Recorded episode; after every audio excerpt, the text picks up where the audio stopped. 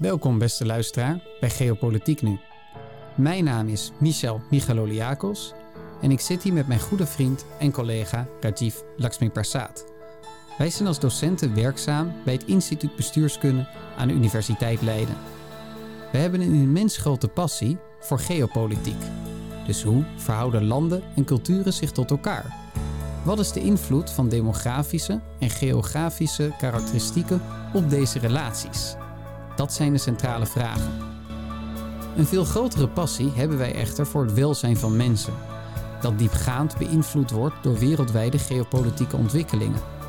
De EU in het algemeen en Nederland in het bijzonder lijken zich meer te lenen voor reageren dan anticiperen. Middels deze podcast willen wij er een bijdrage aan leveren dat er meer geanticipeerd wordt dan gereageerd. Beluister daarom deze podcast, abonneer je en neem afscheid van je ongeïnformeerde zelf. Welkom dames en heren bij inmiddels de zesde aflevering van Geopolitiek Nu. We gaan het vandaag hebben over hoe energie de wereldwijde geopolitieke ontwikkelingen beïnvloedt en welk belang energie speelt voor de wereldorde. En met wereldorde wordt bedoeld de grote belangrijke spelers die het wereldwijde buitenlands beleid bepalen en in hoeverre energie hun beslissingen beïnvloedt. Tegenover mij staat mijn goede vriend en mededeskundige, de heer Michel Michaloliakos. Uh, Michel, voordat we verder het onderwerp induiken, wat is jou in geopolitiek opzicht opgevallen in de afgelopen week? Eigenlijk de toenemende animositeit tussen de Verenigde Staten en Saoedi-Arabië. Deze twee landen zijn van oudsher geopolitiek gedwongen hecht met elkaar samen te werken. En daartoe hebben ze ook besloten op verschillende manieren. Maar de afgelopen jaren zie ik eigenlijk steeds meer haarschildjes terug in die relatie. En dat heeft afgelopen week dan ook uh, uitgemond in de keuze van Saoedi-Arabië om de olieproductie via de OPEC met 2 miljoen vaten per dag terug te brengen. En tegelijkertijd tegen Amerika te zeggen: als Amerika een probleem met ons heeft, dan moet het ons behandelen als gelijkwaardige partner. De tijd dat wij dictaten van Amerika opvolgen is voorbij. Wij zijn een ander Saoedi-Arabië dan vijf jaar geleden. En dit is een grote verandering in mijn optiek, met name ten aanzien van de van oudsher hechte relatie tussen Saoedi-Arabië en de Verenigde Staten en daarmee de energiewereldorde zoals de wereld die tot op heden gekend heeft. En je zou dit bijna qua retoriek, we moeten nog even afwachten in welke resultaten dat zal uitmonden, politieke aardverschuiving kunnen noemen. Oké, dat is heel interessant.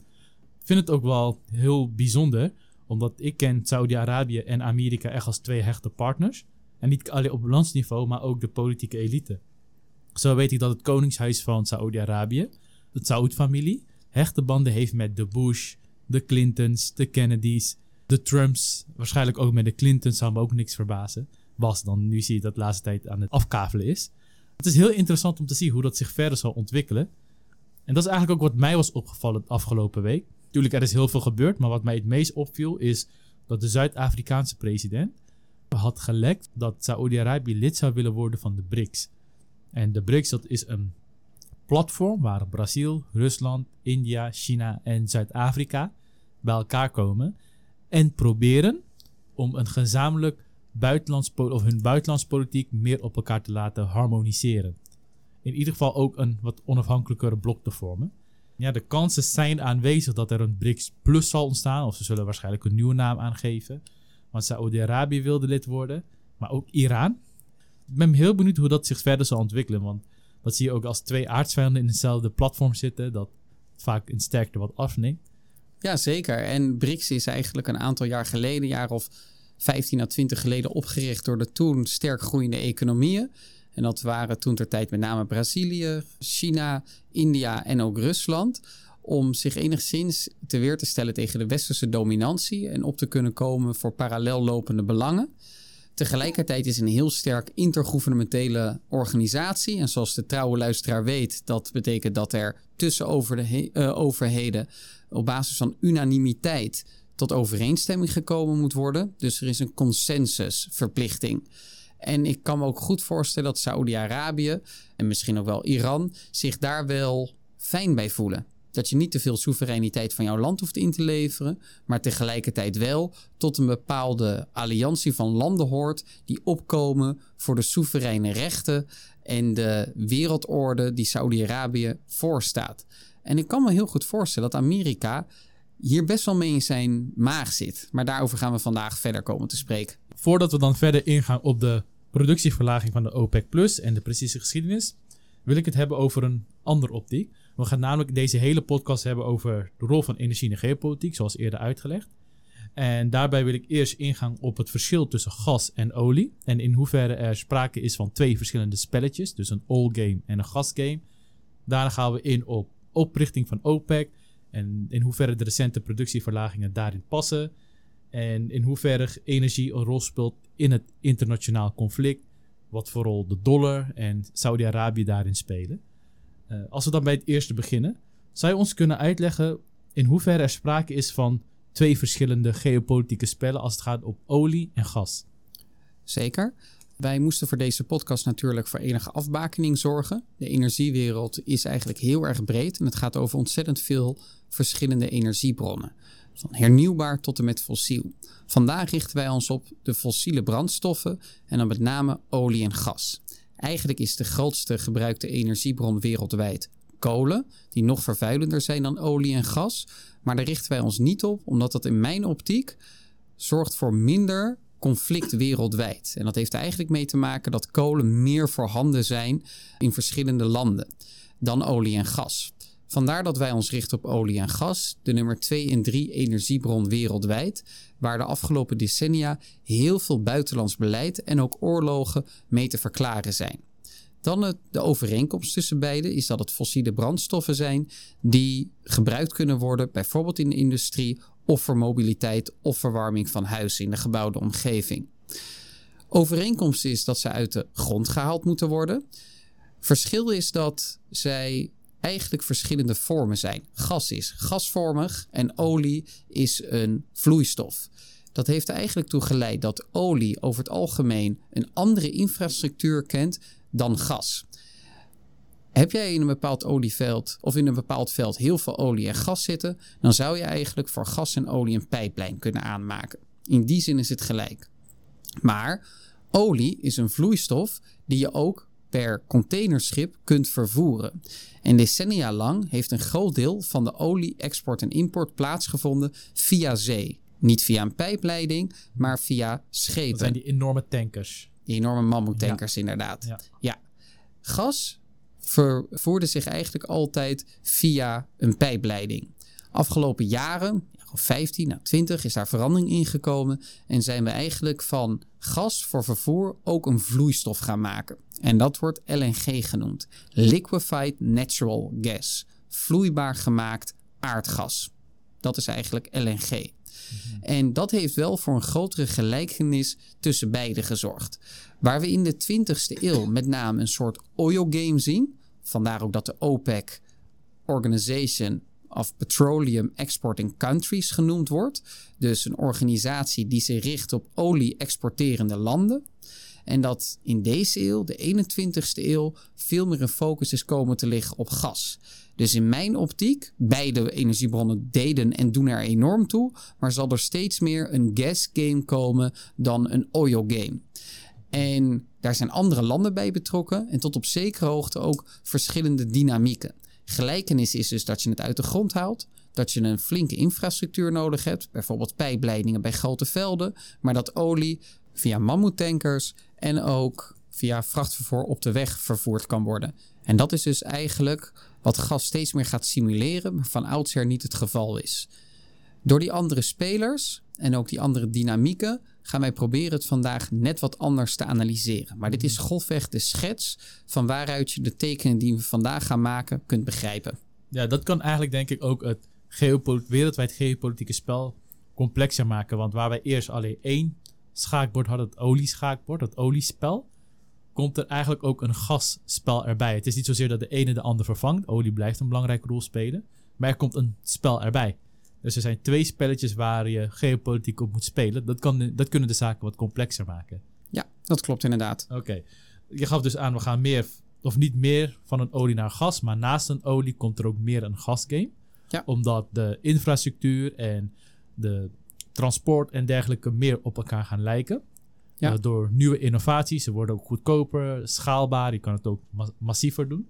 Ja, en dat is nog één belangrijk te noemen Mhm. element. En dat is dat gas door bepaalde mensen ook wel eens gezien wordt als een goed transitie-energiebron. Het is minder vervuilend dan olie. En daarom zetten bepaalde landen ook veel meer in op gas dan bijvoorbeeld op kolen en ook dan op olie. En daarmee kun je eigenlijk minder CO2 uitstoten en tegelijkertijd in enige mate een betrouwbare en betaalbare energievoorziening hebben. Oké. Ja, want ik kan begrijpen dat voor veel landen groene energie heel duur is, veel te duur. Maar dat ze voor de komende decennia gas daarvoor willen gebruiken. Ja. En dan, als ze wat economisch sterker zijn, weer de volgende stap kunnen maken. Ja, dus energietransitie betekent in de wereld voor bepaalde landen een transitie naar een duurzame energievoorziening. En voor bepaalde landen betekent een transitie naar een betrouwbare en betaalbare energievoorziening. En natuurlijk, welke transitie je ook maakt, je let op die andere waarden. Maar het gaat erom waar ligt die nadruk meer op. En voor landen als India en China, maar ook Nigeria en Brazilië, ligt de nadruk meer op die betaalbaarheid en die betrouwbaarheid. En voor landen in West-Europa ligt die nadruk meer op duurzaamheid. En gas tot op zekere hoogte verenigt in enige mate elementen van alle drie die waarden. Het is een mooi bindmiddel tussen beide waarden. Ja, tussen beide waardesets. Als we dan verder gaan naar de rol van energie. Energie, zoals eerder uitgelegd, behelst meer dan alleen olie, gas, elektriciteit. Is het, het gehele energieverbruik. Het speelt dus een grote rol in economie en geschiedenis. Vorige week hadden we een mooi voorbeeld gegeven in hoeverre het een rol speelt in de ontwikkeling van Nederlandse economie en Nederlandse geschiedenis. Nou, dat is dus in elk land en overal in de wereld het geval. Zou je ons kunnen uitleggen in hoeverre energie het wereldwijde geopolitieke spel heeft geschaapt als we vanaf de 20e eeuw zouden beginnen?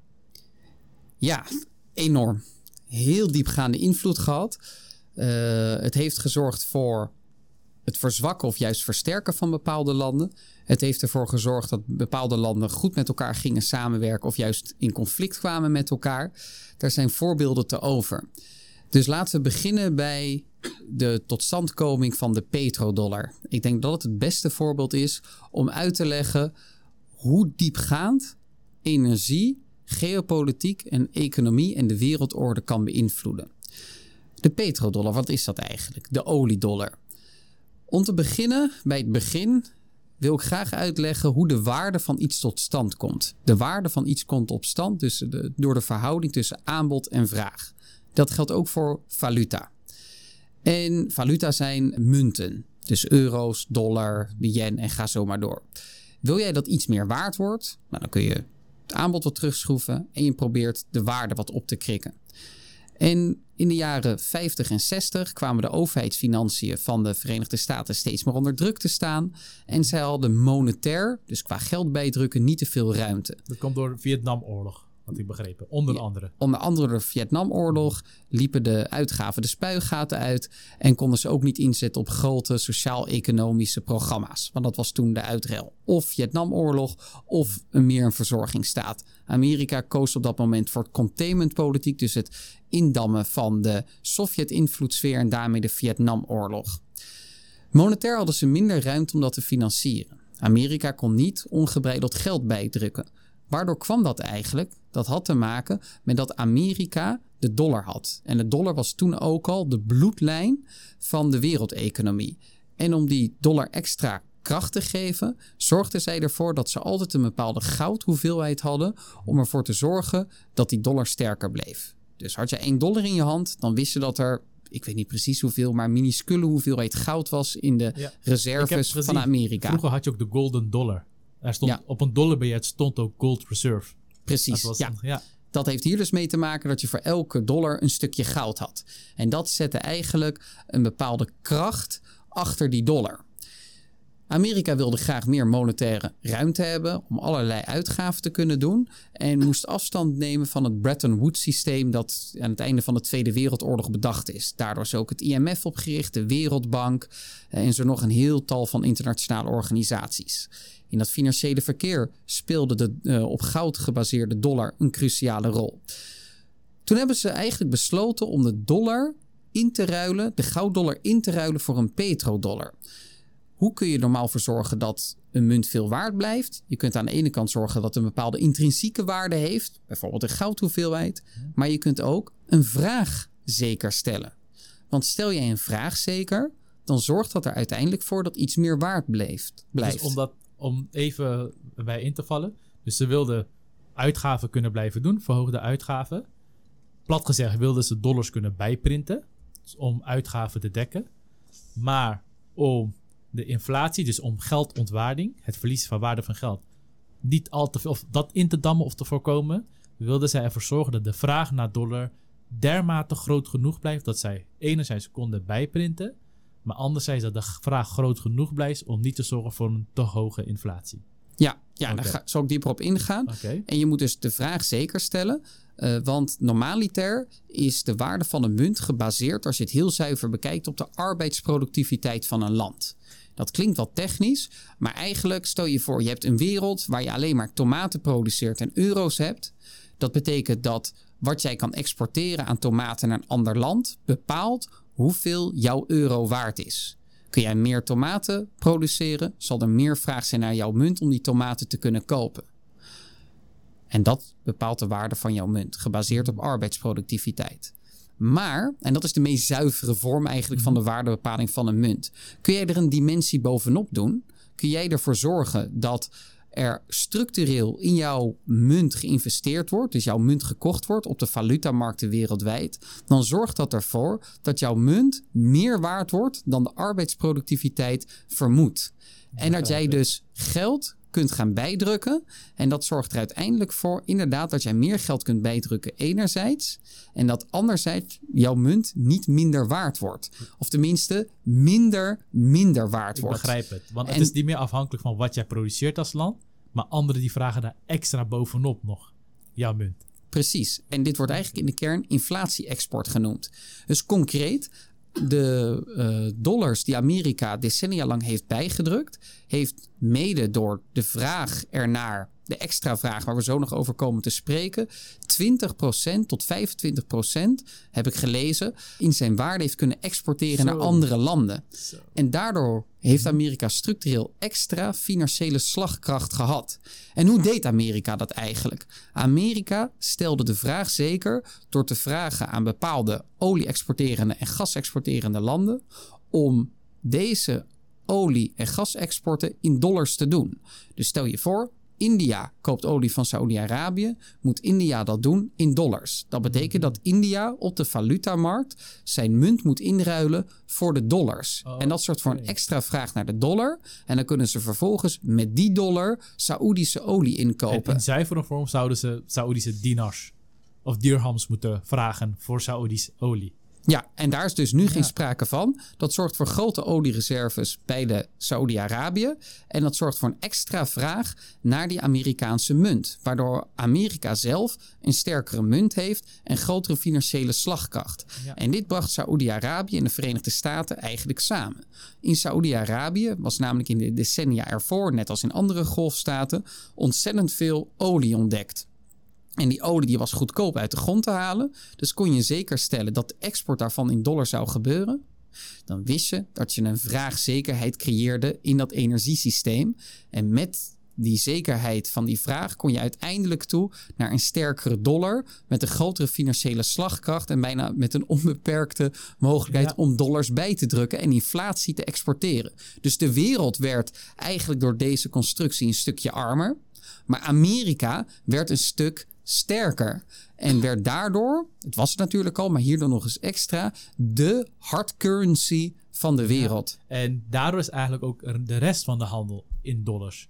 Want naast olie, eh, als ik zie als je met elkaar verhandelt, als je iets uit andere landen wilt halen, van noem maar op, andere mineralen wordt ook in dollars betaald. Maar dat is denk ik logisch, want je basis van de economie wordt in dollars betaald.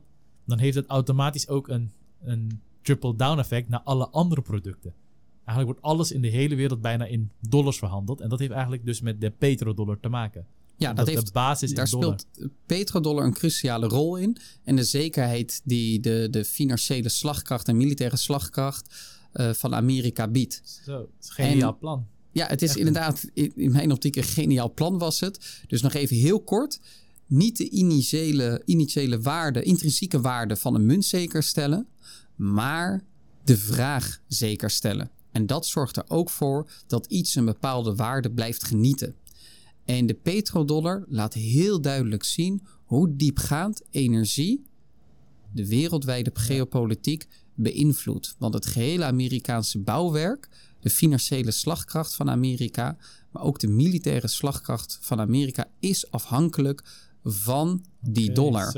Ja, want En daardoor konden zij, energiehandel. konden zij hun uitgaven, militaire uitgaven doen. Waar dat normaal in andere landen zou kunnen leiden tot hyperinflatie vanwege het extra bijprinten. Was Amerika, hoefde de Amerikaan niet bang voor te zijn. En konden zij hun macht uitbouwen zonder te zorgen voor een hoge, al te hoge inflatie. Ja, Want dat zelfs, werd geëxporteerd. Dat werd betaald door andere landen. ja, ja, en dat, daarmee kun je eigenlijk ook verklaren waarom Amerika een handelstekort heeft. Amerika importeert meer dan het exporteert. Maar dat is logisch, omdat die arbeidsproductiviteit plus deze vraagzekerheid voor een hogere dollarprijs zorgt Ja. dan de arbeidsproductiviteit vermoedt. En daarom hebben ze, volgens mij een paar jaar terug was het 500 miljard per jaar dat ze minder exporteren dan dat ze importeren. Maar daar staat tegenover, zeg ik even uit mijn hoofd, dat er jaarlijks zo'n 20.000 dollar aan vraag is naar hun munt. Oh, En naar Amerika stroomt via kapitaal. Ja, dus het is logisch dat handelstekort. Het is de prijs dat je betaalt voor dit bouwwerk. Prijs dat je betaalt voor dit Ja. bouwwerk, inderdaad. Maar wat interessant is, want ik denk dat het ook beter is om te begrijpen waarom de ontwikkelingen lopen zoals ze nu lopen met productieverlaging en dergelijke.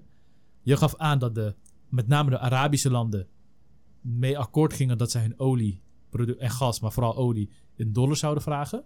Maar waarom zouden zij dat in hemelsnaam doen? Want zij zouden ook gewoon hun eigen munt vragen en zelf rijker worden. In zekere zin hebben zij ook een deel van hun welvaart hiervoor ingeleverd. Ja, ja het Was is het altijd een uitruil. of regimebelang? Hoe moet ik dat zien?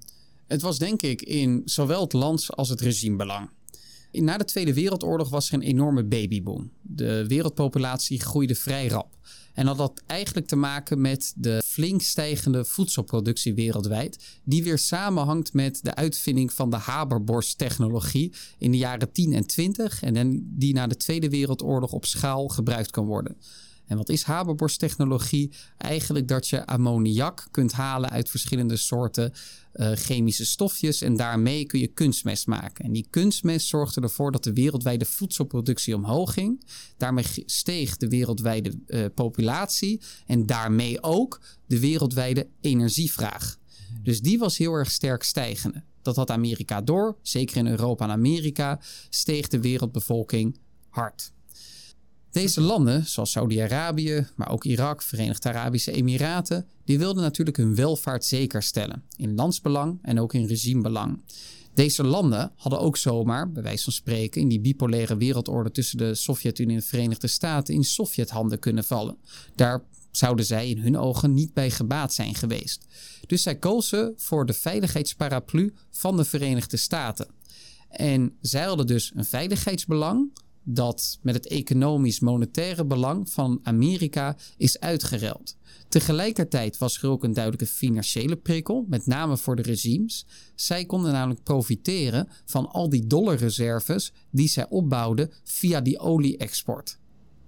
Dus die wereldwijde populatiestijging als gevolg van de Haberborsttechnologie en de daarmee stijgende energievraag zorgde er uiteindelijk voor dat er een heel bouwwerk rondom olie- en gasexporten gebouwd is, waarmee enerzijds de petrodollar in stand is gehouden en is gebracht, en anderzijds deze landen onder de veiligheidsparaplu van de Verenigde Staten vielen. En waarom hadden zij überhaupt de veiligheidsparaplu nodig?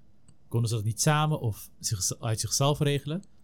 Wat was er zo indringend dat dat zo'n onderwerp van belang was? Ik denk dat dat met een drietal redenen samenhangt. Allereerst die bipolaire wereldorde. Wordt het Sovjet-invloed of Amerikaanse invloed? Vraag nummer één. Twee, regionale animositeit tussen verschillende machthebbers. En daar zijn voorbeelden te over van in het Midden-Oosten, maar ook daarbuiten. En het derde was interne instabiliteit. Jij had investeringen nodig vanuit het Westen om die olie uit de grond te halen. En daar hebben de Seven Sisters een cruciale rol in gespeeld. En de Seven Sisters zijn de oliebedrijven die in de jaren 50 en 60 de wereldmarkten dicteerden. Dat waren de voorlopers of de nog bestaande bedrijven Shell, Chevron, BP en ExxonMobil. En de voorlopers daar dus van, zoals gezegd.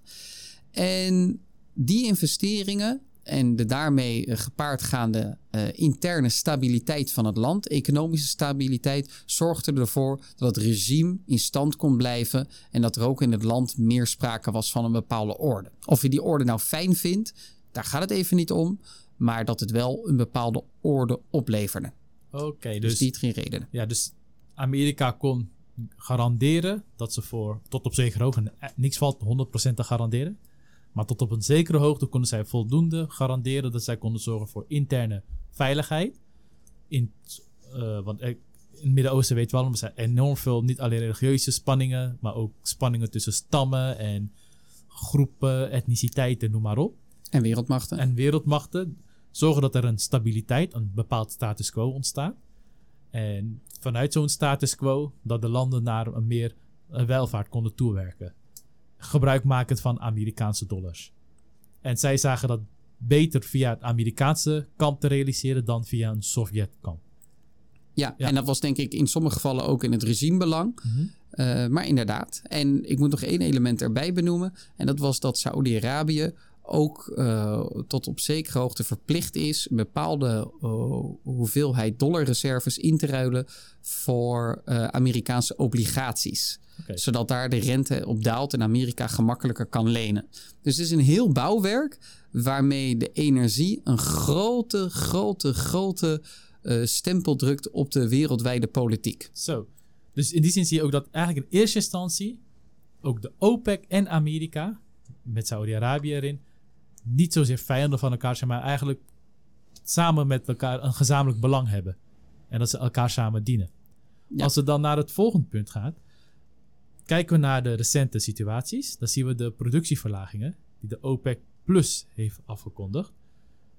En dat Amerika daar niet zo heel blij mee is. Biden heeft onlangs gezegd: we moeten de relatie met Saudi-Arabië herzien. En intern zijn best wel veel democraten woedend op Saudi-Arabië en OPEC. Omgekeerd uh, geeft Saudi-Arabië ook allerlei kritiekpunten terug. Het is een heel andere situatie dan toen. Zou je ons kunnen uitleggen wat is er aan de hand met die productieverlaging en waarom leidt dit tot zoveel animositeit tussen Saudi-Arabië, OPEC en de VS aan de andere kant? Ja, zeker. Productieverlaging zorgt voor een hogere prijs. En een van de belangrijkste eh, indicatoren voor de Amerikaanse politiek is hoe hoog de brandstofprijzen zijn en de kans op dat jij herkozen wordt als leider. Er is een heel duidelijke uh, correlatie tussen de hoogte van uh, de benzineprijs mm -hmm. enerzijds en anderzijds de populariteit van een bepaalde mhm. leider. Dus Clinton had gelijk met it's the economy stupid. Ja, inderdaad, want die economie hangt heel erg af van de olieprijzen en de gasprijzen uh, en daarmee hangt je politieke herverkiesbaarheid ook weer daarvan af.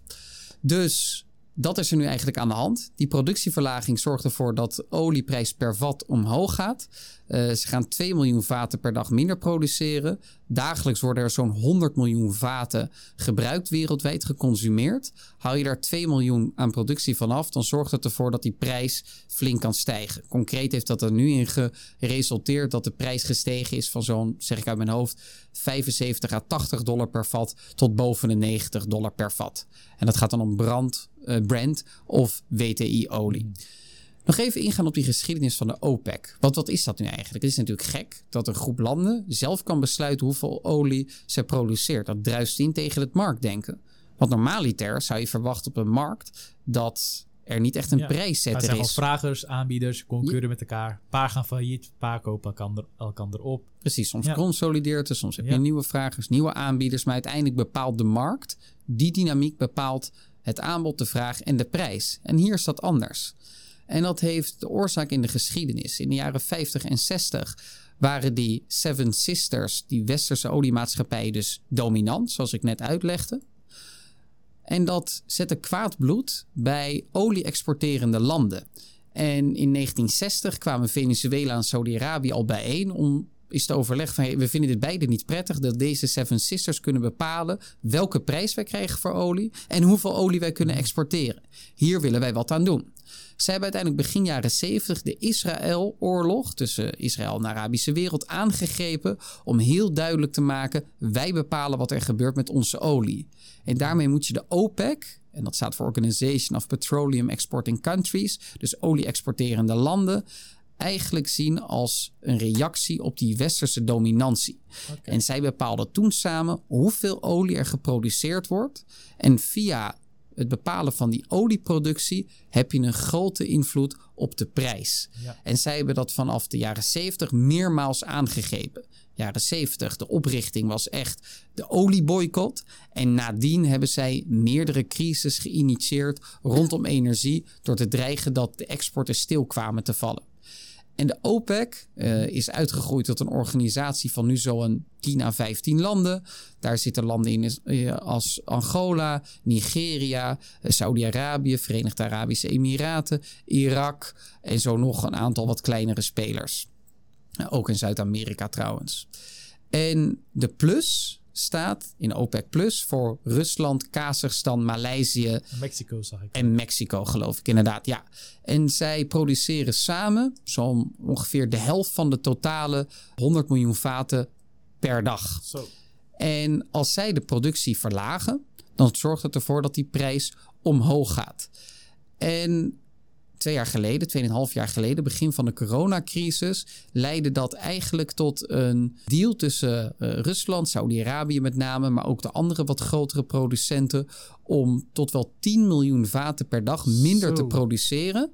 Ja. En dat was logisch. Dat de ja, ja, tiende. Coronacrisis, de draag stortte Ja. in. Ik kan me de beelden nog herinneren dat olie letterlijk over die voorraadstations heen eh, lekte. Ja, Je zag ja, het eh er was. Er was een zwaar tekort Ja. aan eh, voorraadinventaris. Dus aan eh, tankstations eigenlijk. En dat had natuurlijk te maken met de enorm teruglopende vraag, die op dat moment zo'n 75 à 80 miljoen vaten per dag was. Dus dan ben je per dag zo'n 20 à 25 miljoen vaten aan het produceren. En dat kwam al bovenop de ontstaande olieprijsoorlog tussen Rusland, Saudi-Arabië, als gevolg van de schalieolierevolutie in de Verenigde Staten. En wat gebeurt eigenlijk bij een prijsoorlog? Dat bepaalde landen elkaar gaan uitlokken om de productie op te drijven, zodat de prijs omlaag gaat. En komt die dan onder de productieprijs te liggen, dan maakt dat land verlies. Ja. En dat is een cruciaal eh, te begrijpen concept, spare capacity. Dus Saoedi-Arabië binnen OPEC en ook Verenigde Arabische Emiraten en Irak, die hebben altijd een bepaalde reservecapaciteit. Die zij heel snel kunnen inschakelen op het moment dat het nodig is. En daarmee kunnen zij door het aanbod verhogen de prijs heel erg verlagen. En dan weet zij dus ook als olieproducent buiten de OPEC dat als zij de productie omhoog gaan doen, en dat kunnen zij gemakkelijk omdat zij die reservecapaciteit hebben en hun productieprijs is heel erg laag. In Saudi-Arabië betaal je zo'n 15 à 20 dollar per vat, soms zelfs bij bepaalde velden maar 10 dollar per vat om het te produceren. En in Mexico 40 à 45 dollar.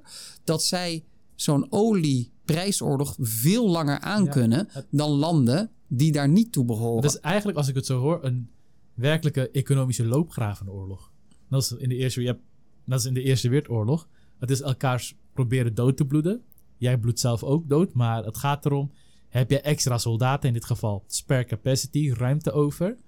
om ervoor te zorgen dat jouw tegenstander eerder doodbloedt dan jij.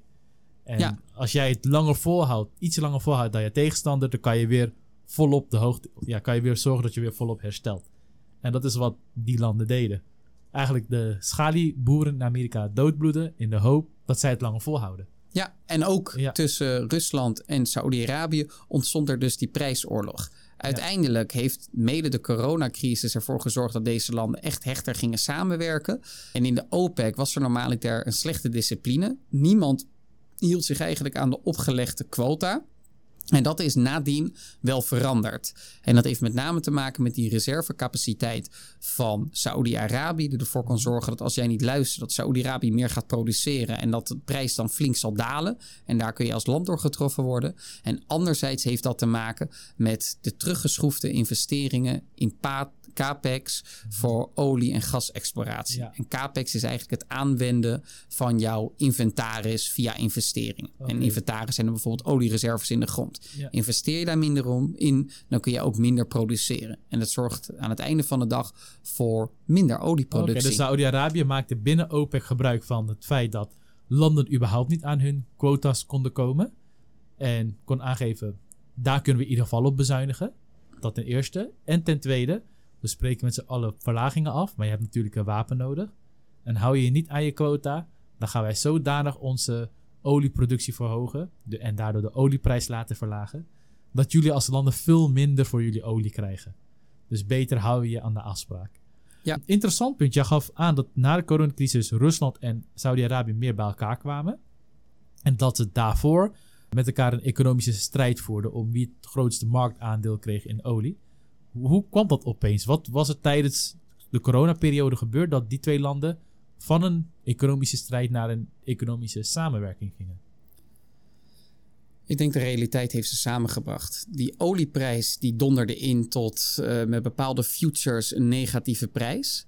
Saudi-Arabië heeft weliswaar een productieprijs van zo'n 10 à 20 dollar per vat. En Rusland van zo'n 35 à 40 dollar per vat.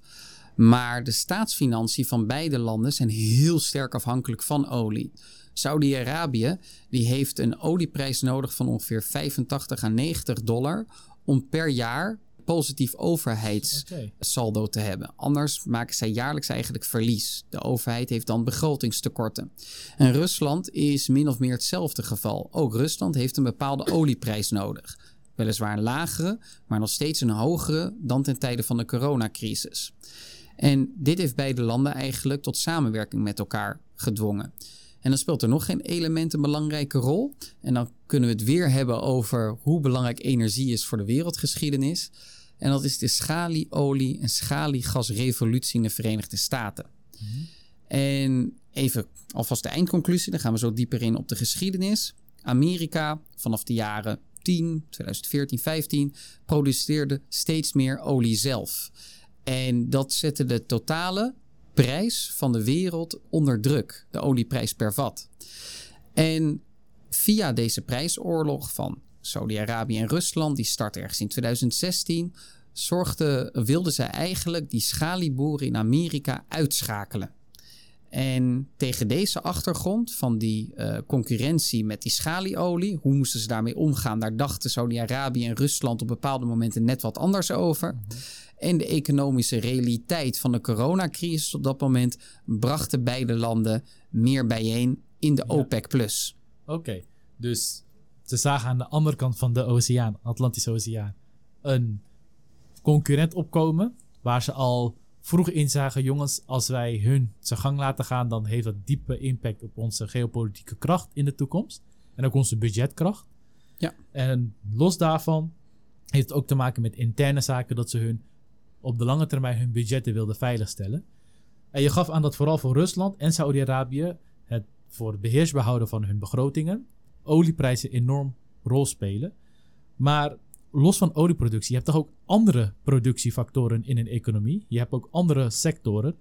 Wat is het dat deze landen zo de olieprijs zo belangrijk vinden? Vergeleken met in Europa of andere delen, of in Amerika, dat ook veel olie produceert. Zij hebben een weinig uh, economisch gediversificeerde economie. De Sovjet-Unie is daar een goed voorbeeld van. De voorloper van Rusland. Die stortte eigenlijk in vanaf de jaren, halverwege de jaren 80. En dat mondde uiteindelijk uit in de totale ineenstorting in 89, 90. Doordat de olieprijs en de gasprijs zo laag werden. Mm Zij hadden een dysfunctioneel systeem. Dus ze hadden allemaal, zeker in de Sovjet-Unie, intelligente mensen die allerlei markten hadden kunnen bedienen. Hadden zij die markten opgericht. En hadden zij de ruimte gekregen om bedrijfjes te starten. Dat is niet het geval. En ik denk dat dat samenhangt met die grote olieinkomsten, die vooral eh, ten bate kwamen van een klein groepje machthebbers. En dat is in Saudi-Arabië net zo. Dus lage economische diversificatie, om de belangen te beschermen van de op dat moment aanwezige machthebbers. Want heb jij heel andere grote economische sectoren, Mhm. dan krijg jij een diversificatie van belangen. Dus veel verschillende belangen. En ik denk dat een democratie zich ideaal leent voor het begeleiden van veel verschillende economische belangen. Nog even los van ideologie Mhm. en dat je democratie ook heel mooi kunt vinden. Vind ik ook. Ik vind het vooral ideologisch een schitterend Mhm. Maar systeem. als je echt naar realpolitiek kijkt. Ja, als je even keihard op de belangen zit, dan denk ik dat een democratie zich het best leent voor het stroomlijnen en het met elkaar uitwisselen van economische belangen. Bepaalde machthebbers, onder meer in de Sovjet-Unie, maar ook Vladimir Poetin en in Saudi-Arabië en nog wat andere olieproducerende landen, zitten eigenlijk helemaal niet zo sterk op grote economische diversificatie te wachten. Want het is, in mijn optiek, zo analyseer ik dat, een grote potentiële bedreiging voor jouw machtspositie. En door die keuze maar houden zij die landen heel erg afhankelijk van olie-export en in het Ruslands geval ook gasexport. En daarom spelen die olieprijzen zo'n belangrijke rol. Sterker nog, dat de minister van Buitenlandse Zaken van de Sovjet-Unie in 1985 of 86 zei dat de ineenstorting van de, en de afnemende invloed van de Sovjet-Unie één op één samenviel met de verlaging van de Ja, olieprijs. dus hier zie je heel duidelijk regimebelang boven landsbelang. Ja, en, En, de olieprijs heeft dus ook heel erg lang, en de olie- en de gasinkomsten allebei, het dysfunctionele systeem gecamoufleerd. Mhm. Dat gold voor de Sovjet-Unie. Nou, gaan die prijzen omlaag, dan legt dat dat dysfunctionele systeem bloot. Maar ook vice versa, eind jaren 90, begin 2000, toen de olie- en de gasprijs juist weer gingen stijgen, dat Vladimir Poetin werd, eh, lof toe werd gezongen dat hij Rusland weer zo sterk maakte. Maar hij had gewoon de economische slagkracht weer door die stijgende olie- en gasprijzen om geld te verdelen over een land waarmee hij de desintegratie van Rusland kon voorkomen. En dat wordt wel eens on- eh, onderschat. En voor Saudi-Arabië geldt eigenlijk precies hetzelfde. Want Saudi-Arabië is van oudsher een behoorlijk gefragmenteerd land. Maar via één centrale bron, bron van inkomsten die één groep mensen te goede komt, kun je natuurlijk zelf zorgen dat je via die geldhoeveelheid de rest van het land aan je bindt en afhankelijk van jou maakt. En dan sta je eigenlijk geen verdere economische diversificatie toe. Dat even wat betreft vanuit het regime. Dan nog één element erbij. Dat je ook altijd iets wat we in het Westen noemen de Dutch disease terugziet. Dus als jij zelf heel veel olie en gas produceert, dat in je eigen economie pompt, dat dat inflatie met zich meebrengt en dat daardoor het minder aantrekkelijk wordt om producten vanuit jouw land te kopen. Daar leidt jouw import onder en daarmee de Of industriële export leidt daaronder. ja, de export Ja, leidt ja. daaronder, sorry inderdaad. Ja. En daarmee jouw industriële productiecapaciteit. Ja, het maakt eigenlijk, ik ben het ook met je eens. Dus dat regimebelang kan prevaleren boven landsbelang. Dat regimes het fijner vinden als er maar één sector is waar ze echt de touwtjes in handen hebben. In plaats van dat je macht moet delen met andere sectoren. Maar los daarvan denk ik ook dat het een bevolking over het algemeen lui kan maken.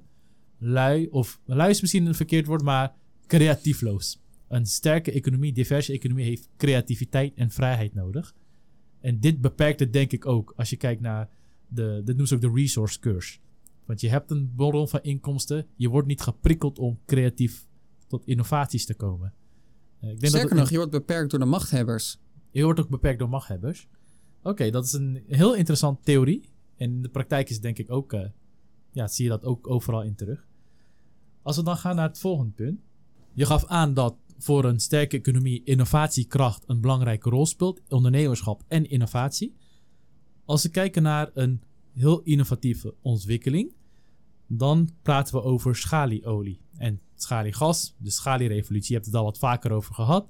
Ook los van de podcast praat je er best wel veel over. Over de rol van schalieolie, schaliegas, de schalierevolutie.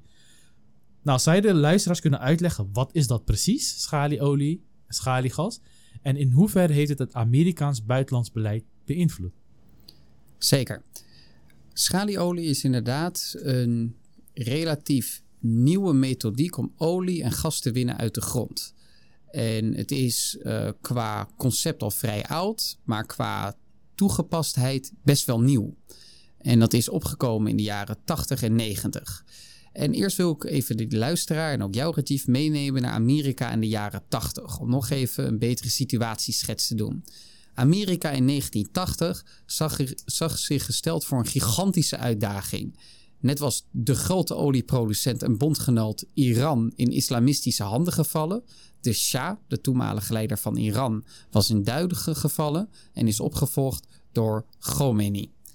En tegelijkertijd, in het jaar erna, viel de Sovjet-Unie Afghanistan binnen in 1980. En kon op dat moment dus de Sovjet-Unie via Kazachstan, Oezbekistan, Turkmenistan, uiteindelijk naar Afghanistan en uiteindelijk ook Iran zo toegang hebben tot de Indische Oceaan, misschien ook in de richting van India, Saudi-Arabië en daarmee dat hele gebied waar zo ontzettend veel olie geproduceerd werd in handen krijgen.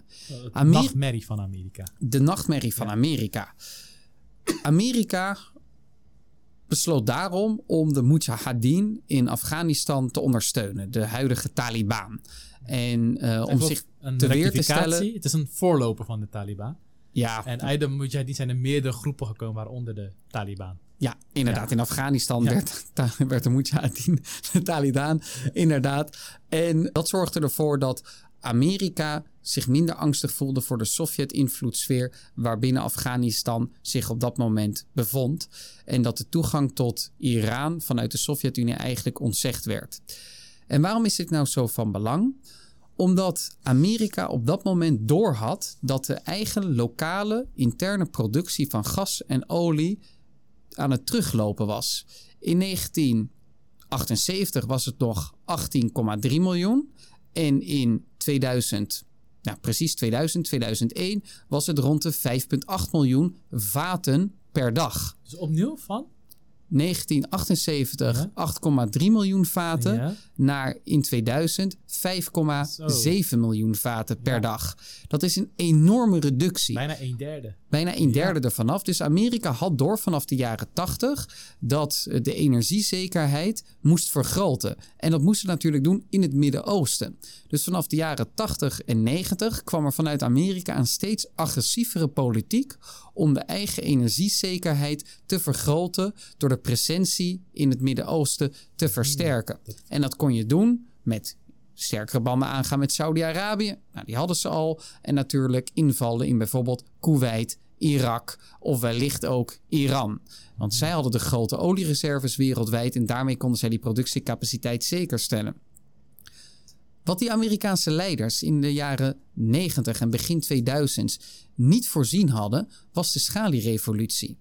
Zij dachten namelijk dat zij vooral olie moesten zekerstellen vanuit het Midden-Oosten.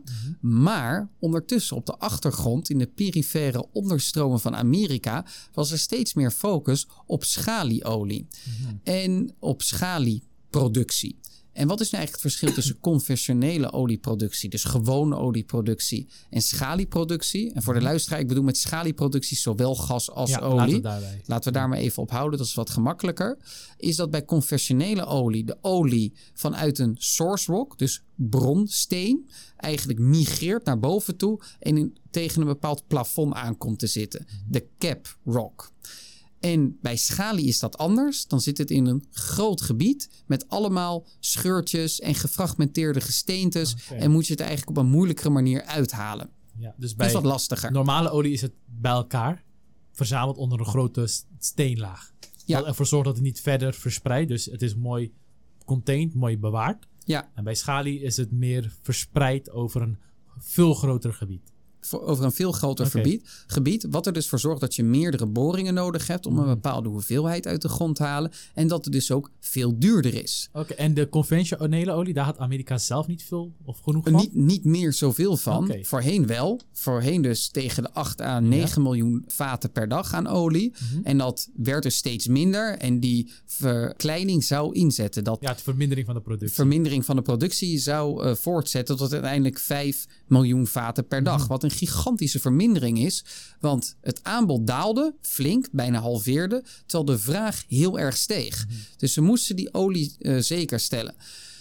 In die onderstroom werden er steeds meer innovaties gedaan door mensen die hartstochtelijk geloofden in olie, in schalieolie en het commercialiseren daarvan. En vanaf de 2000s werd steeds meer duidelijk dat er bepaalde bedrijfjes zich daarop toelegden en het echt dachten: wij kunnen dit uit de grond gaan halen. Uiteindelijk heeft het ervoor gezorgd dat Amerika in plaats van in 2005 zo'n 5,4 miljoen vaten per dag produceerde, tot in 2019 bijna 12 miljoen vaten. Dus meer dan een verdubbeling. In 10 en 15 jaar tijd. In 10, 15 jaar tijd Ja. heeft Amerika de olieproductie verdubbeld en daarmee ook het buitenlands beleid hartstochtelijk veranderd. In de jaren 90 dus die zware angst dat de betrouwbaarheid en daarmee de betaalbaarheid en daarmee de economie onder druk zou komen te staan. En aan de hand daarvan valt denk ik de toenemende presentie van de VS in het Midden-Oosten eind jaren 90, begin 2000 te verklaren. En dat vanaf 2010 onder Barack Obama drill baby drill beleid uiteindelijk ervoor zorgde dat Amerika minder aanwezig hoefde te zijn in, de, in het Midden-Oosten. En dat die afnemende presentie dus eigenlijk ook te verklaren valt door de energie onafhankelijkheid van die Verenigde Dat- Staten. Ja, dat is wel interessant, want veel mensen denken Amerika is in het Midden-Oosten vanwege ideologische redenen of democratie verspreiden, die is een tiran. Het heeft gewoon letterlijk alleen te maken met het veiligstellen van energie. Welke regering of regime daar ook was, was er een regime dat Amerika kon garanderen dat de energie werd veiliggesteld, dan werd het met rust gelaten, zeker nog, het werd ook ondersteund. Dat vind ik wel apart, dat ik dan dit zo hoor en dat best wel weinig bekend is, dat het hiermee te maken heeft. Ja, ik, ik denk dat en het niet zozeer voor- met aanval op een religie of aanval op een ideologie. Dat Amerika daarop gefixeerd is, maar alleen gefixeerd is op energie.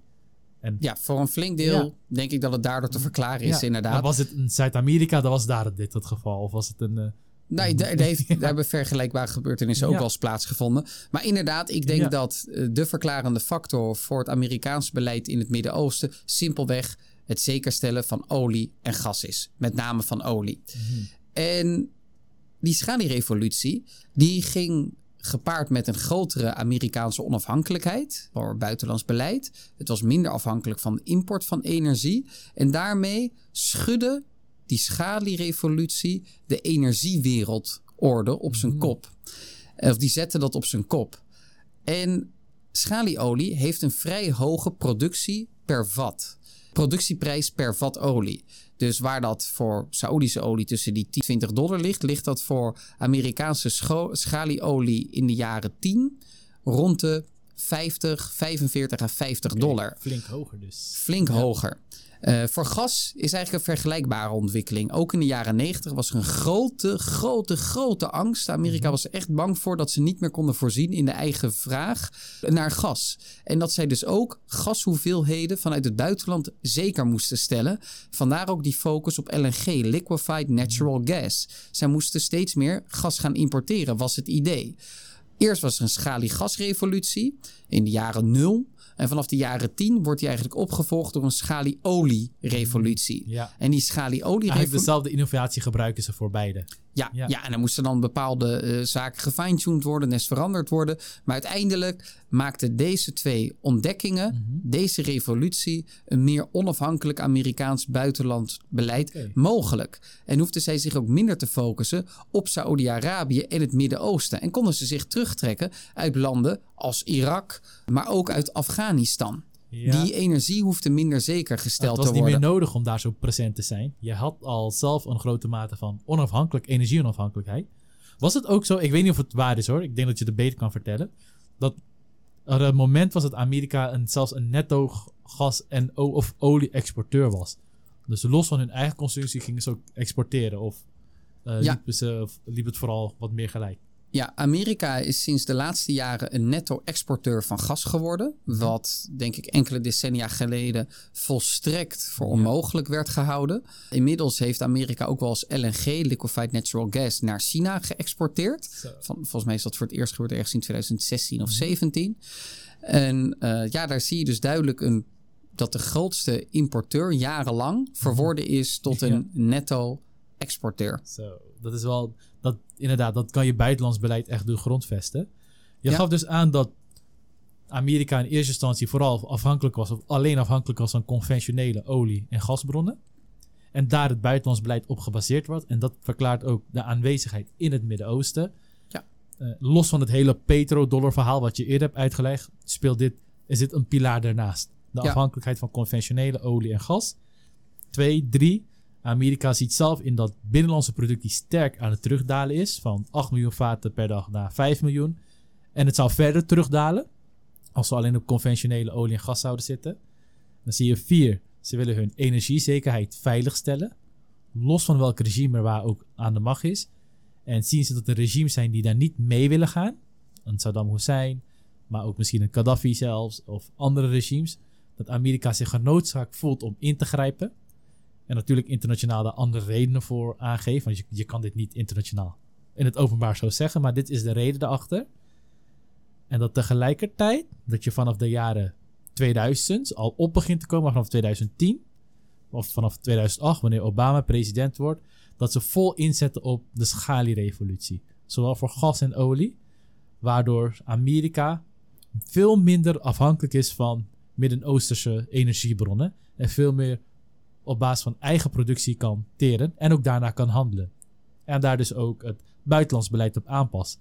En dat kan zelfs mede verklaren waarom Obama uit Irak vertrok en nu ook uit Afghanistan. Eh, misschien nog meer uit het Midden-Oosten. Als we dan verder kijken uh, naar deze ontwikkeling. Het is denk ik ook een ontwikkeling dat doorgaat. Je ziet dus Amerika dat vol inzet op, schalie, op de schalierevolutie. Hoe kijkt Saoedi-Arabië hiernaar? En wat voor invloed heeft dit op de functie van uh, Saudi-Arabië als vriend van Amerika? Saudi-Arabië is hier niet blij mee en voelt zich eigenlijk in zijn bestaansrecht toch wel een beetje bedreigd. De olieprijzen die dalen flink. Saudi-Arabië ziet dat Amerika minder olie hoeft te importeren. Sterker nog, dat die extreem lage, historisch dan, hè, mm op dat moment behoorlijk lage olieprijs ervoor zorgt dat Amerika heel erg aan het groeien is, economisch gezien. Ik denk dat nummer één reden van de Obama-bloeiperiode de lage energieprijs is van zowel gas als olie. En dat gas zelf steeds meer gebruikt werd voor de elektriciteitsvoorziening. En dat is wel eens een onderbelicht fenomeen. Mhm. Obama's succesperiode had denk ik vooral te maken met lage energieprijzen. En dat Saudi-Arabië hier niet blij mee is, is denk ik ook wel te begrijpen. Amerika importeerde minder en had dus eigenlijk ook minder noodzaak om sterk aanwezig te zijn in het Midden-Oosten. Dus die veiligheidsparaplu van Amerika, die nam wat af. Die werd wat kleiner, dus er konden meer regendruppels op Saudi-Arabië mhm. vallen.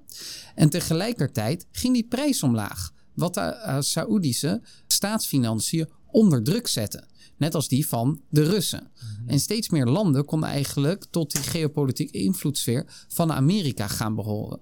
Want wat je ook moet begrijpen, is dat je niet tot de laatste druppel van jouw olie- en gasreserves en productie gebruikt voor je eigen consumptie. Nee, je zorgt altijd voor een mix van import en export. Mhm. Want daarmee maak je andere landen vanwege jouw import of andere landen vanwege jouw export meer afhankelijk van jouzelf. Waarmee je je eigen geopolitieke kracht eigenlijk versterkt. Concreet, Amerika importeerde nog steeds olie, maar en exporteerde ook nog steeds mhm. olie. En daardoor kon het zijn eigen macht ten opzichte van die landen en ook ondersteuning versterken. Je zorgt eigenlijk dat jouw macht als consument groter is dan diegene's macht als producent. Ja, dat, dat is uiteindelijk de theoretische achtergrond. Ja.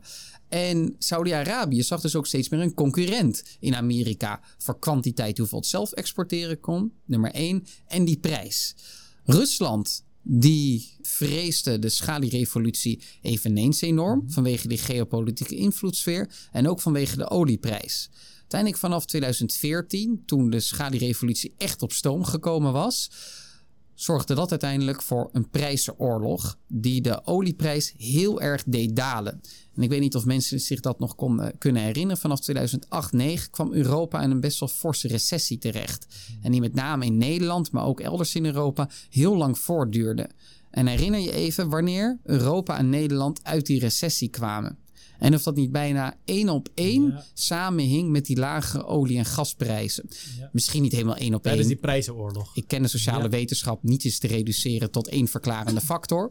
Maar ik denk dat de lagere olie- en gasprijzen vanaf 2014-15 een enorme invloed hebben gehad op de wederopstanding van Europa economisch gezien.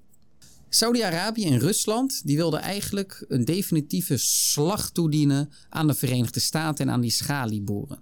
Dat wilden zij natuurlijk om de eigen prijzen zeker te stellen, staatsfinanciën, en kwantiteit van export zeker te stellen.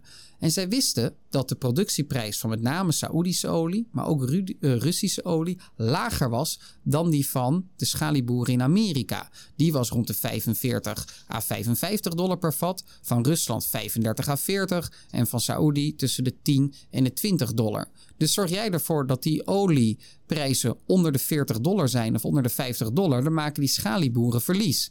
Die gaan failliet en daardoor kun jij, wanneer zij failliet zijn gegaan, uiteindelijk je eigen marktdominantie versterken. En dat is wat er toen ter tijd gebeurde. Uiteindelijk resulteerde dit erin dat uh, Saudi-Arabië onder leiding van kroonprins Mohammed bin Salman 250 miljard dollar in deze oorlog uh, verloren heeft. En Rusland ook een dergelijk getal? Of van Rusland weet ik het okay. eigenlijk niet. Okay. Dat is mijn eerlijke antwoord. Ik weet mm -hmm. niet precies de cijfers van, uh, van Rusland. Maar dat zouden ook flinke, flinke getallen zijn geweest. Ja, ja. En er was een enorme kaalslag aan capex en investeringen bij schalieboeren in Amerika. Mm. Maar, behalve een kaalslag, ook een enorme innovatieslag. Waar het voordien per boring in de grond zo'n 15 à 20 miljoen dollar kostte, was dat na deze prijzenoorlog en de enorme kaalslag en efficiëntiedruk en innovatie nog maar zo'n 8 à 10 miljoen dollar. Zo.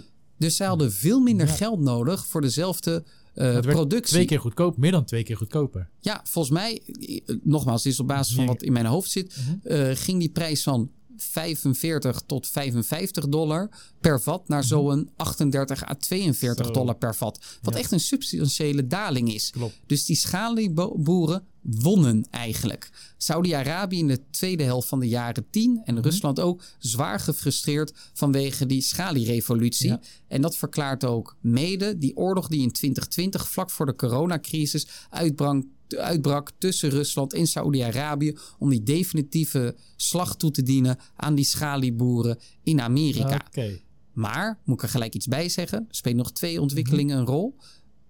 Die prijzenoorlog zorgt inderdaad voor veel lagere uh, prijzen en daarmee het verdienvermogen van die schalieboeren liep terug. Dus ook al gingen veel schalieboeren, kleinere schalieboeren, failliet, maar ze werden dan ofwel overgenomen door andere spelers, één en twee die konden nog ook nog eens veel goedkoper produceren. Ja, dus, dus vanuit individueel optiek voor die schalieboeren is niet leuk. Ze gingen heel veel zijn failliet gegaan. Denk ook heel veel gezinnen daarmee.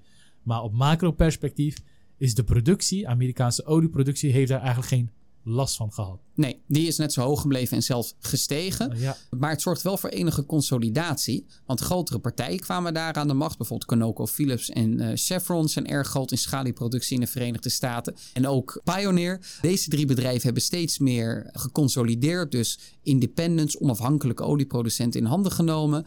En daarmee voor een bepaalde discipline, kapitaaldiscipline wordt dat in de olieindustrie ja. genoemd, gezorgd dat er minder geld wordt vrijgemaakt voor exploratie en exploitatie Financiers, dus banken en financiële instellingen, wilden ook minder investeren. Die wilden meer geld verdienen aan dat deze olie uit de grond gehaald werd.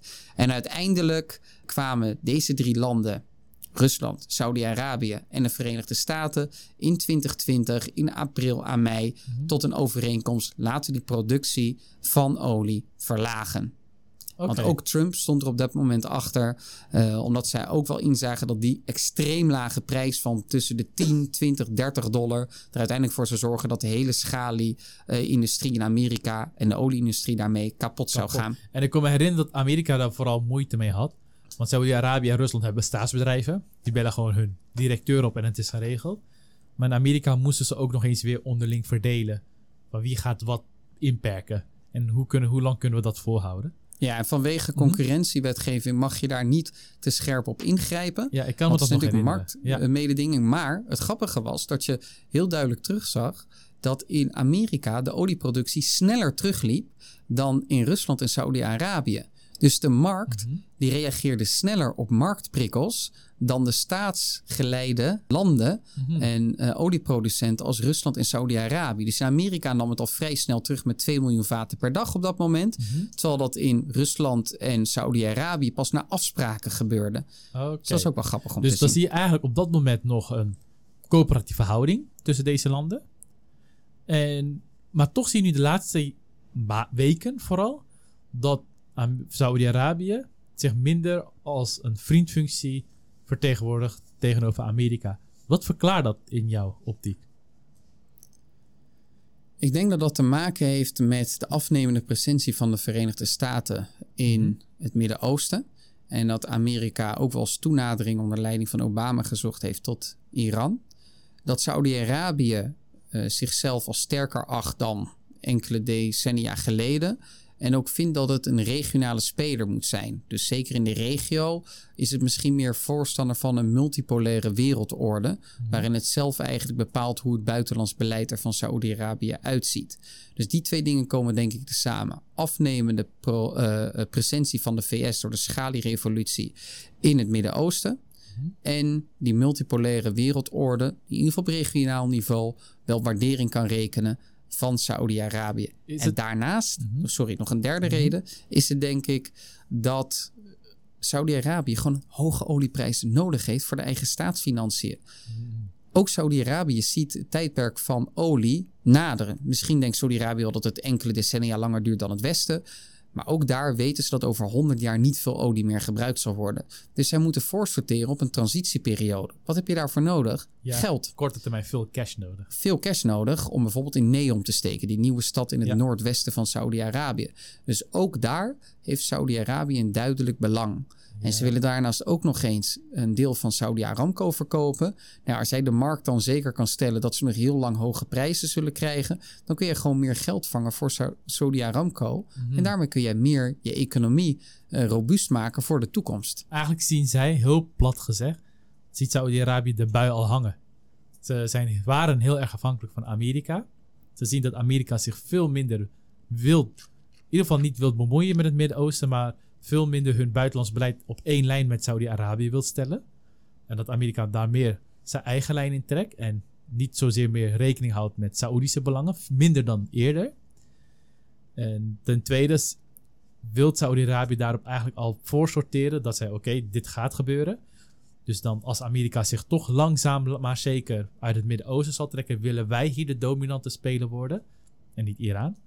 En we hebben ook nog daarvoor cash nodig om dit te bewerkstelligen en om onze economie te verstevigen voor als olie een minder belangrijke rol gaat spelen. En vooral met de bevolking dat ondernemerschap en innovatief gezien lui is. Er, er is naast olie geen enkel ander productie in Saoedi-Arabië. En dat kan denk ik ook verklaren waarom zij zich zo wat ja, opstandig opstellen tegenover Amerika. De vraag is eigenlijk in hoeverre dat verstandig is, gezien ik denk dat Saudi-Arabië Amerika nog steeds heel erg nodig heeft. Ja, ik denk Maar, dat het een uiterst onverstandige eh, strategie is van Saudi-Arabië om Amerika echt uit de tent te lokken. Dus misschien is het als het ware nu gewoon eh, wordt het geprobeerd om net wat meer concessies te krijgen. Maar als Amerika zijn veiligheidsparaplu boven Saudi-Arabië wegtrekt, dan dondert ofwel het land in ofwel het regime. Oké. En ik kan me voorstellen dat het nu gewoon even een robbertje uitgevochten wordt. Om net wat meer concessies te krijgen. Maar uiteindelijk denk ik dat Saudi-Arabië heel erg afhankelijk is van die Amerikaanse veiligheidsparaplu. En dat ze uiteindelijk op hun eh, schreden zullen terugkeren. Het grappige is dat, of het grappige, het meest bijzondere van de afgelopen weken, wat we nog niet benoemd hebben, is dat Saudi-Arabië eh, zelfs gedreigd heeft dat het olie niet meer zal verhandelen in dollars. En als dat niet meer gebeurt, Mhm. dan moet de luisteraar even met mij re- meerekenen. Nou, ga maar even uit dat Saudi-Arabië zo'n eh 10 miljoen vaten per dag exporteert voor dollars. Voor op dit moment, het is wat minder, maar zo'n 100 Gemiddeld dollar per 100. vat. Ja. Ja, per dag zorgt dat dus voor 1 miljard eh, dollar aan vraag naar de dollar. En dat is dus Per dag. per dag. En dat is per jaar zo'n 300 à 400 miljard dollar die extra vraagt naar dollar. En dat is een krankzinnig goed instrument voor de Verenigde Staten om inflatie te exporteren. Neemt eh, Saudi-Arabië dat instrument uit handen bij de Verenigde Staten, dan zet dat uiteindelijk de dollar als de hard currency van de wereld enorm onder druk. En daarmee ook defensieuitgaven. En daarmee ook defensieuitgaven en het hele Amerikaanse imperium in feite. En het kan ook als president werken voor andere landen. Uiteraard, waarmee de En- vraag nog meer omlaag Ja. zal gaan naar die Amerikaanse dollars. En daarmee eh, de sterkte van die dollar. En ik denk dat Amerika dit nooit zal accepteren. Nee, dit is echt een president werkende. Dit is de kern van hun imperium. Wat Wat ze gewoon niet. Het is net alsof je aan een goudvoorraad kwam van het Romeinse Rijk. Dat, dat gaan ze gewoon niet laten gebeuren, denk ik. Nee, nee, nee, zeker niet. Ik denk dat Amerika hier heel op, op, uh, hard op zal ingrijpen. En dat Mhm. het eerder de kans groter is op regimeverandering. dan dat Saoedi-Arabië niet meer de olie zal exporteren voor Ja. dollars. En los van Amerika hoeft Saudi-Arabië niet binnen te vallen. Ze hebben al tienduizenden, misschien zelfs tegen de honderdduizend soldaten in Saudi-Arabië. Ja, En- ja, en het is ook nog Ja. zo, als Amerika eh, de veiligheidsparaplu wegtrekt, dan wordt Saudi-Arabië blootgesteld aan eh, bedreigingen Ja. in de eigen regio. En, En dat die kan Houthi-rebellen en die Shiïtische minderheid. Natuurlijk in Ja. eigen land, want het is een gefragmenteerd land eh, dat eh, met een heel sterke staatsdominantie te kamp heeft. Het heeft eh, de grote aardsrivaal in de vorm van Iran, regionale rivaal in de vorm van Turkije. Het heeft animositeit met Qatar. Eh, het heeft een slechte relatie met Jemen, het land dat ten zuidoosten van Saudi-Arabië, ten zuidwesten van Saudi-Arabië ligt. Houthi-rebellen, dus ga zo maar door bedreigingen genoeg voor Saudi-Arabië om die veiligheidsparaplu van Amerika zeker te stellen. Menendez en Biden hebben afgelopen week ook gedreigd eh, bepaalde wapens niets meer te exporteren naar Saudi-Arabië. En dat zou de militaire capaciteit, de militaire kracht van Saudi-Arabië enorm traineren. Ja. En dit zijn al bestaande deals. En dit zou denk ik gebeuren op basis van CATSA-wetgeving, waar Turkije al mee getroffen is. Wat ik aan de andere kant bij moet zeggen, een land dat er steeds meer toe doet wereldwijd en wij nog niet behandeld hebben in deze aflevering, is natuurlijk China. En China is een gigantische consument van olie, produceert zelfs zo'n 4 miljard vaten aan olie per dag. Heeft op dit moment slechts 6% van zijn energievraag in gas, maar gaat steeds een steeds grotere vraag naar olie en gas krijgen. Gas moet vooral voorzien worden door Rusland, in enige mate ook olie. Maar ook steeds meer zal China olie gaan importeren vanuit het Midden-Oosten, onder meer Saoedi-Arabië. En daarmee kan ik me ook voorstellen dat Saoedi-Arabië ook opteert, gaat voor een bepaalde multipolaire wereldorde, waarin het zich niet meer te afhankelijk wil opstellen van die Verenigde Staten. Oké, dus zij gaan uit van een multipolaire wereldorde, maar ze weten ze zijn nu heel erg afhankelijk van de VS. Ze kunnen niet zonder. Dus ze zoeken meer naar andere partners waar zij op kunnen bouwen. En tegelijkertijd meer op eigen benen proberen te staan. Dus vandaar al die Saudische plannen voor grote steden, Vision 2030 en weet ik veel wat voor visies ze allemaal hebben. De vraag is in hoeverre het gaat lukken. Eh, nou, we hebben dus heel veel besproken over internationaal energiepolitiek en in hoeverre dat buitenlandspolitiek van de grootmachten bepaalt. Als we dan kijken naar de toekomst toe. We hebben de grote spelers, Saudi-Arabië, Midden-Oosten, Amerika, eh, EU, Ru- China, Rusland. Welke nieuwe spelers komen er eigenlijk op? Stel voor je bent een belegger of je wilt beleggen in nieuwe opkomende markten. Welke spelers zijn er waar die nu relatief onbekend zijn, maar die over 10, 20 jaar in de oliesector of ook in de gassector een grote rol zullen spelen waarvan je denkt van, oh, dat had ik nu niet echt zien aankomen. Ja, eh, zeker. Eh, leuke vraag. Eh, allereerst nog even ter, ter achtergrond. Heel veel landen gebruiken olie en zullen olie en gas blijven gebruiken. Met name China, maar ook landen als Thailand, Indonesië, India. Die houden er een best wel agressieve energiepolitiek op na. Dat heeft te maken met dat zij intern nauwelijks productie hebben. En dat zij dus dat extern zeker moeten stellen. Of dat de interne productie lager is dan de binnenlandse consumptie. Ook in dat geval moet je natuurlijk zorgen dat je een stabiele toevoer van energie hebt. En is een mooi voorbeeld van eh, agressief energiebeleid en hoe dat kan zorgen voor een sterkere opkomst van een andere energiemacht potentieel. Is het contract dat afgelopen week is afgesloten tussen Namibië en India. Namibië heeft nog geen vatolie geproduceerd, maar heeft voor de kust, dus voor de eh, luisteraars, zit echt een nieuwtje. We- weinig mensen weten de olietoekomst die in het verschiet ligt voor Namibië. Eh, voor de kust van Namibië hebben Total Energies en Shell in de afgelopen jaren een gigantische eh, fonds gedaan. eh, in verschillende velden waar potentieel miljarden te commercialiseren olievaten in de grond zitten. En dat kan er uiteindelijk voor zorgen dat Namibië stabiel olie kan exporteren naar India toe. India investeert in de productiecapaciteit, betaalt natuurlijk gewoon per vat. Maar als je dat dan zeker stelt via een lange termijn contract bijvoorbeeld, dan zorgt dat er uiteindelijk voor dat jij eh, stabielere economische groei kunt realiseren voor jouw land in geval van India. Voor Namibië is het vooral dat het investeringen het land invloeien en dat je bepaalde exportkanalen uh, gelijk op poten hebt gezet.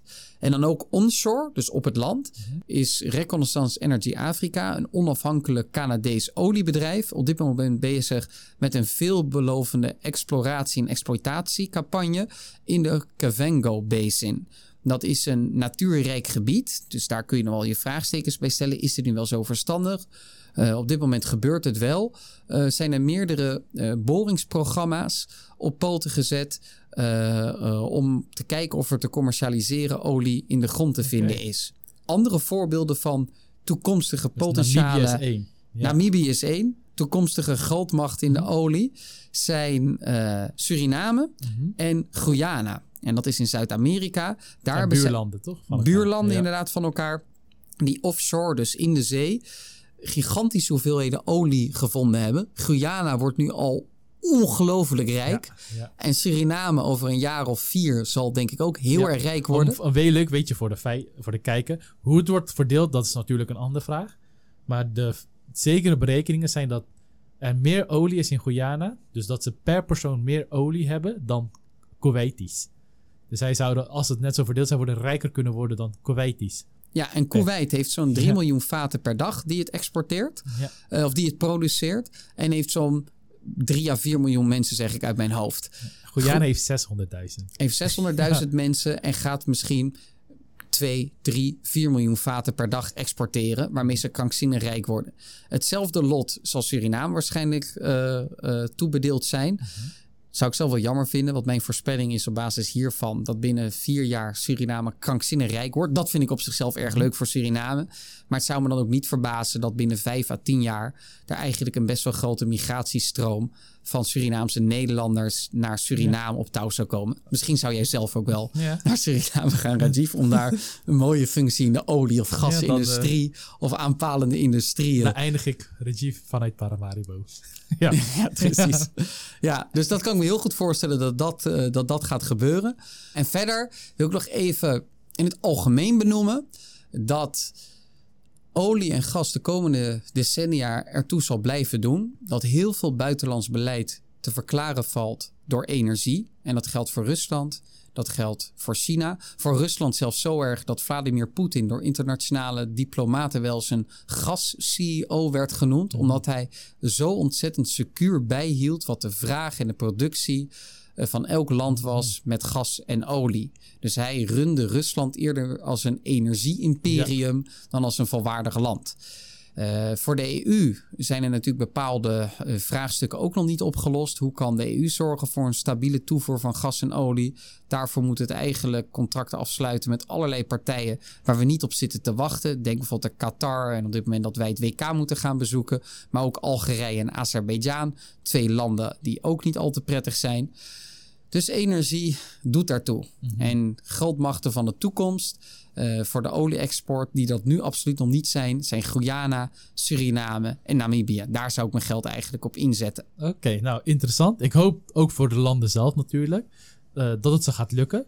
En dat voordat olie een minder belangrijke rol zal spelen over 100 jaar, misschien kan eerder. Maar dat ze in ieder geval nog gebruik kunnen maken van de grote vraag die er nu is.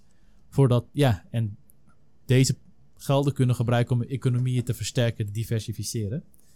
Uh, nou, we hebben eigenlijk deze podcast over meerdere deelonderwerpen gehad. Al deze onderwerpen moesten ervoor zorgen dat de, de luisteraar beter kon begrijpen hoe energie een, van enorm belang is in het wereldwijde geopolitiek en ook in de wereldwijde wereldorde. We hebben het gehad over het verschil tussen een gas- en een oliegame. En hoe we naast een oliegame ook meer gaan naar een gasspel. En in hoeverre gas een grote rol daarin speelt. Natuurlijk ook met de schalierevolutie die daarin een grote rol in speelt. Uh, we hebben het gehad over uh, waarom de rol van Rusland en Saoedi-Arabië in OPEC en OPEC Plus. Over de petrodollar, hoe dat is ontstaan en waarom dat zo belangrijk is voor Amerika, maar ook voor de Arabische landen. En hoe ver de petrodollar in lijn valt met de recente productieverlagingen. En we hebben het ook gehad over de samenwerking of de rol van schalieolie in het Amerikaans buitenlands beleid en over eventuele nieuwe ontwikkelingen in de olie- en gasrevoluties die er nog zullen komen. Dus meerdere deelonderwerpen. Ik hoop dat jullie, de luisteraars, een beter beeld hebben van energie en geopolitiek. Ik kan begrijpen dat het informatie best wel dicht is. Dus als je wilt, luister nog een keer naar. We hopen dat wij jullie hebben geholpen om zo meer afscheid te kunnen nemen van jullie ongeïnformeerde zelf. En voor de toekomst meer te kunnen anticiperen op deze nieuwe en interessante ontwikkelingen in plaats van te reageren. En we wensen jullie nog een fijne dag verder.